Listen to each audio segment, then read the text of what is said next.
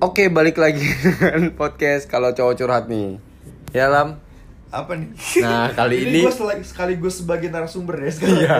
Ini sekarang menarik nih. Ini tetap dengan seperti yang kemarin masih ada Giva, Alam dan gua. Jadi kita ada tamu eh, Giva dan cuman kali ini narasumbernya yang punya podcast sendiri nih, Alam. Nah, kali ini yang mau kita bahas nih soal ya keseruan-keseruan atau mungkin cerita-cerita Pengalaman pengalaman mistis lah ya atau mungkin nanti bisa nyambung segala macam yang punya cerita. Oke, lanjut. Tadi gimana sebelumnya? Temen lu Yang apa? teleponnya. Yang mana sih yang di bangsal isolasi ya? Ya udah, jadi kayak ya bangsal isolasi itu kayak kamar rawat gitu isolasi yang emang khusus gitu buat pasien khusus juga sih sebenarnya. Jadi dia tuh nggak ini, maksudnya nggak nggak reguler dipakai karena kan memang kalau pasien khusus aja gitu yang dirawat di situ. Jadi katanya rumornya mah sering ada telepon gitu kan. Kalau Hmm. misalkan malam-malam lagi jaga malam tuh Padahal nggak ada siapa-siapa. Kalau siapa misalkan diangkat kadang nggak ada suaranya atau enggak pas mau diangkat seringnya sih kata temen gue pas mau diangkat udah hilang udah nggak ada suaranya lagi Kayak miss kayak call gitu. gitu kan karena waktu temen gue itu baru baru masuk ke stase itu jadi masih belum tahu tuh jadi pas dia ada telepon diangkat nggak ada suaranya akhirnya dia samperin Oh dia dia ngecek siapa Dia tahu ngecek ada siapa yang kan. Hmm. Dia samperin nggak ada orang. Tuh anjing otomatis temen gue takut kan tapi masih posting tuh posting. Iya. masih posting itu kayak oh mungkin error kali ya teleponnya. Iya, bisa jadi iya. dari yang bangsa lain gimana ya udah itu. Udah akhirnya udah ya udahlah dia nggak mikir gimana gimana. Terus ya udah pas besoknya curhat tuh temen gue sama perawatnya. Kak semalam saya jaga katanya tapi kok sering telepon tapi kok saya ini nggak ada ya ya neng katanya just tau ya Oh cewek temen lo. gue, sorry temen gue cewek. Oh. Ya neng, biarin aja kalau ada telepon dari nomor dari kamar itu terus malam-malam kamu lagi jaga cuekin aja. Oh jadi malah di, dibilang udah nggak usah diangkat Eh, gitu. itu Oh. udah sering katanya biasa aja karena emang karena itu kan ruangan isolasi jadi orang sering meninggal juga di situ. I see. Sebenarnya gue tuh kalau kayak gitu tuh ya, gue tuh ini 50-50 percaya nggak percaya juga sebenarnya kalau gue. ya. Hmm. Tapi kalau misalkan gue nggak percaya, tapi kenapa bisa berulang gitu itu tuh Hmm, kayak gitu. berpola gitu ya. berpola gitu kan. Sering banget lah itu cerita yang kayak gitu. Terus ada lagi cerita yang apa? Ibu-ibu dia tuh meninggal gara-gara keguguran, meninggal segala Mhm. macam. sama bayi gimana Iya, gitu? sama bayi-bayinya terus dia itu Kan keguguran gitu. iya udah bulan ke-8 keguguran nggak mungkin keguguran tuh pasti di bawah 20 minggu. Oh. Jadi itu sebenarnya dia masih hamil muda tuh keguguran kayaknya dipaksa pacar apa gimana perdarahan meninggal lah ceritanya. Oke. Habis itu udah eh jadi ada jadi satpam kalau ini satpam sih yang cerita. Jadi pernah mas saya waktu katanya jam satu malam apa jam dua malam ada ibu-ibu pakai daster lewat ke sini padahal ruang bersalin itu beda gedung gitu loh jauh bor Oh Ini ya. jauh banget beda gedung kayak Oke. kok ibu nanya ruang bersalin di sini sih gitu terus Hmm. sampai sampai bingung gitu kan terus ibu kan otomatis lewat IGD dulu nggak sih kalau orang sakit Iya. pasti IGD dulu kan baru ke ruang kalau ini cuma datang nanya pak kamar bersalin di mana ya saya mau ngelahirin Sendiri tuh dia. sendiri lagi kan Iya "Bu, aneh mana- dong. bu mana suaminya suami saya lagi ngurus pendaftaran bilangin gitu bor Hmm. gitu udah tuh dikasih tahu kan bu sini sini sini. Udah tuh nggak follow up lagi satpamnya yang penting udah dikasih tahu. Hmm. begitu pas udah akhirnya ya itu orang mikirnya biasa aja gitu kan. Hmm. terus pas besoknya dia curhat sama temen satpam juga. Semalam gue jaga kata gitu kan. Masa ada ibu-ibu di sini sih? Aneh gak sih lu nanyain kamar bersalin kok di gedung teratai gitu kan? Padahal Hmm. dia gedungnya beda gitu Bougainville. Aneh gak sih? gitu kan. Terus pas gue lupa caranya singkat cerita si satpam itu akhirnya tahu kalau ibu Baru ada kejadian. yang itu tuh ternyata meninggal Oh jadi di- beneran orang yang itu? beneran orang yang itu apa namanya ciri-cirinya sama sebenarnya gue juga percaya nggak percaya sih cuma maksudnya Buat apa dia- dikarang nggak buat sih? apa juga dia ngarang cerita gitu Kan dia juga maksudnya enggak sih gue logikanya gini aja sih. Dia kan kerja di situ. Ya harusnya kan dia punya pikiran yang positif dong. Maksudnya ya udahlah profesional gitu kan. Hmm, itulah profesional. Jadi buat apa dia bikin suatu cerita untuk ya gitulah Iya, maksud gue. cerita buat di horor-hororin itu untuk Nah, apa untuk juga apa? sebenarnya Kan lu juga yang kerja di situ. Tapi ini apa katanya jadi ada film bukan horor ya film misteri lah Mhm. film misteri yang gue demen ada jadi nama filmnya Six Sense Hmm. jadi ada tuh ceritanya itu anak kecil eh, kalau di Trans TV sih pernah nonton dulu nah jadi ada anak kecil jadi dia tuh punya yang sama dokter psikiatri bukan sih Iya, itu. Ya, itu gua Ya, jadi saya tuh sering digangguin mulu kan pas apa dia tuh indigo lah istilah kita Iya. mah ya Iya. jadi dia tuh dulu diganggu dari kecil sampai apa ya udah mau gede gitu digangguin mulu tuh sama hantu-hantunya kan Hmm.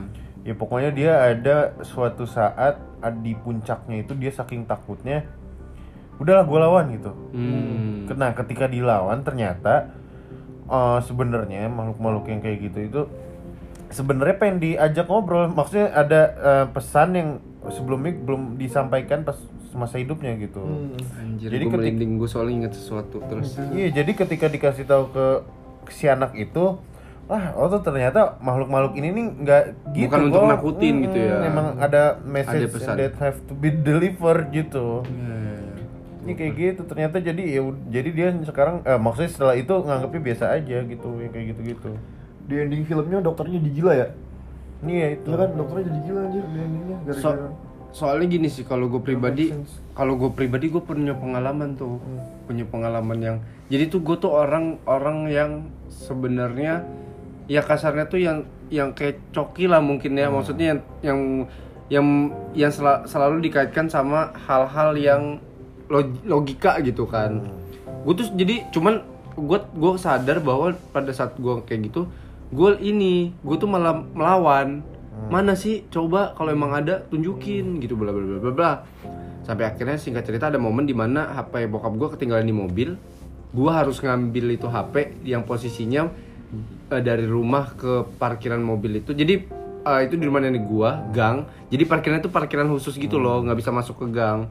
Ya mungkin sekitar 300 meter lah dari rumah lumayan jauh. Gue jalan gue ngelewatin masjid. Lo tau nggak lampu masjid yang ad- yang digital warna merah kan? Itu tuh karena gelap banget jadi nyorot ke sajadah jadi cuman dia semua masjid gel- satu masjid itu gelap cuman satu titik itu doang yang nyala. Jadi di situ gue udah mulai ambience udah mulai berasa tuh gue horor. Cuman gue kayak mana nih mana nih? Gue gitu mana nih mana nih mana nih? Gue firasat gue gue bakal bakal ketemu yang aneh-aneh di parkiran. Karena sepi. Ternyata di parkiran tuh ada penjaganya. Jadi ada orang lah gue mikirnya amal ah malah ada penjaganya. Cuman di, pas gue mau kelar ngambil hp pas mau balik gue gue udah mulai takut tuh. Udah mulai takut tapi masih nantang.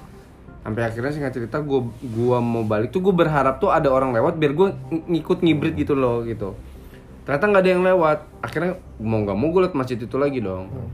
Jadi posisinya gue liat masjid jadi gue noleh ke kanan cuman gue ngeliatnya ke arah kanan agak ke belakang. Jadi gue dari belakang ngelihatnya makin ke depan makin ke depan. Tiba-tiba ada cewek rambut panjang. Rambutnya tuh ngembang tuh nggak lo? Rambut ngembang pakai gaun putih agak-agak kayak kotor. Tapi bawahnya nggak kelihatan blur. Hmm. ngeblur gitu. Itu gua kestun coy. Ada kali 3-4 detik bener-bener anjing gitu kayak wah itu soalnya merinding banget sampai ke belakang.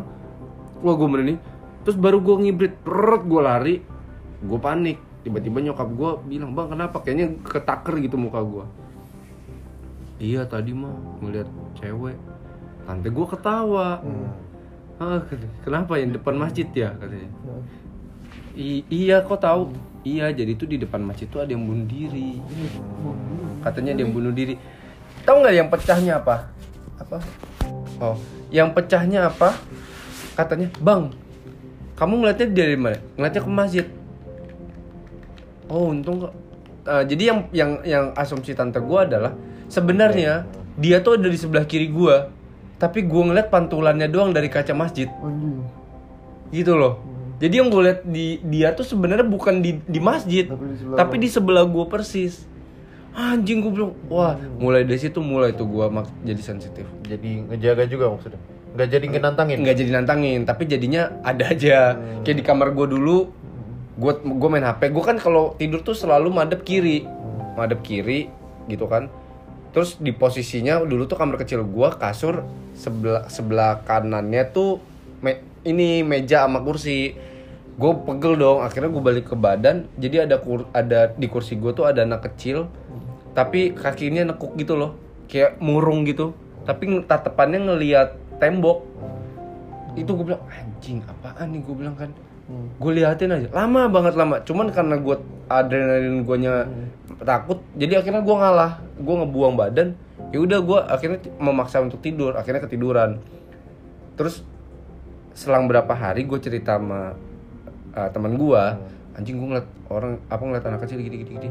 Dah akhirnya sekilas gitu. Mau ngambil duit mau mesen makan dari kamar teman gue gue ke kamar gue pas gue buka pintu anak kecil itu ada lagi di kursi itu sama. Dia duduk doang gitu. Tapi balik lagi dia ngeliat tembok doang nggak ngeliat jadi nggak nggak noleh gitu. Terus lo ngapain? ya reaksi gue takut. Jadi langsung gue tutup pintunya. Cuman takut gue tuh bukannya wah langsung gue kabur. Nggak ya gue pelan pelan aja. Iya, iya itu maksudnya kayak ini sebenarnya apa sih ini eh, apa sih saya saya apa ya, apa pan- sudut pandang Hmm. jadi ini ada, emang orang diperkosa tuh makanya nggak bisa ngelawan tuh sebenarnya sama. Hmm. reaksinya kayak ngeliat hantu gitu. Ya kestun gitu loh. Stun. itu parah sih kayak yang paling yang yang yang pecah itu waktu gue di kosan gue lama. Jadi pas gue mau tidur pas gue melek di atas lemari gue tuh kayak ada orang warna hijau tua Hmm. tapi matanya merah. Ngeliatin gue tidur. Ngeliatin aja kayak gitu ya udah balik lagi gue kestun cuman ya udah gue tuh nggak nggak memberikan reaksi kayak ah, apa gitu.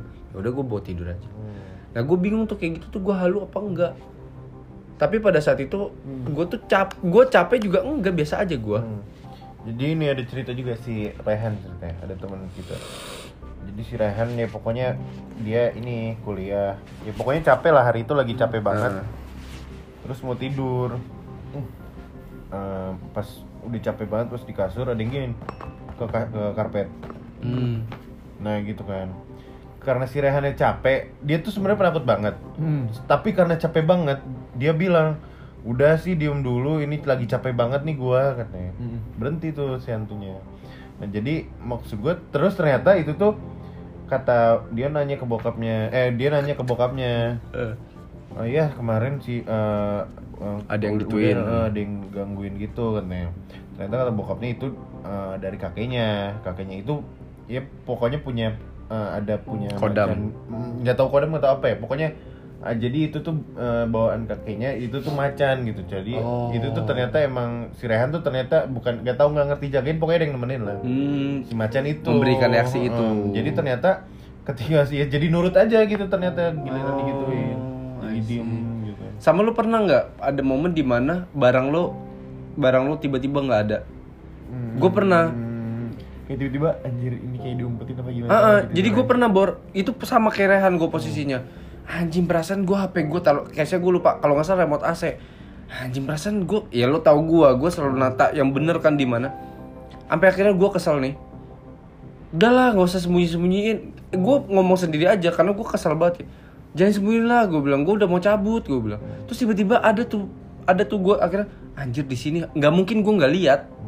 Kayak gitu loh banyak tuh kayak gitu. Terus ada momen ini terakhir cerita gue ya.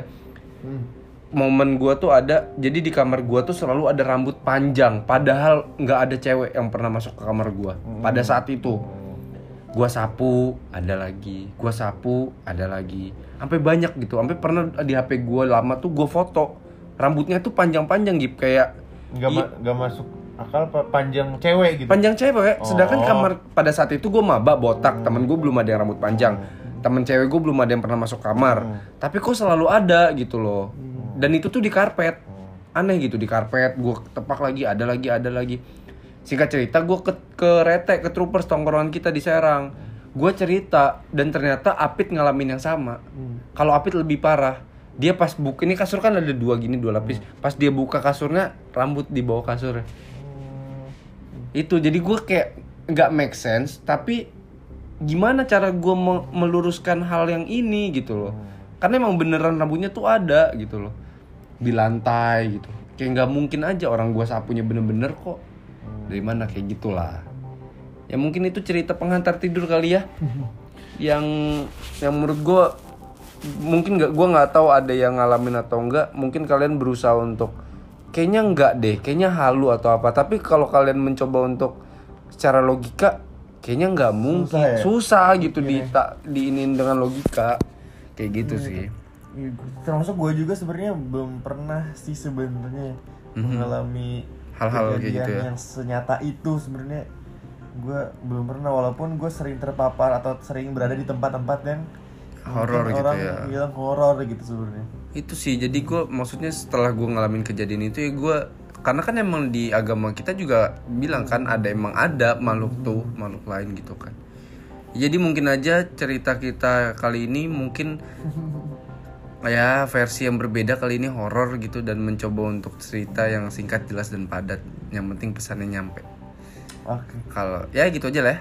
sekian podcast dari kita wabillahi taufiq. Assalamualaikum warahmatullahi wabarakatuh.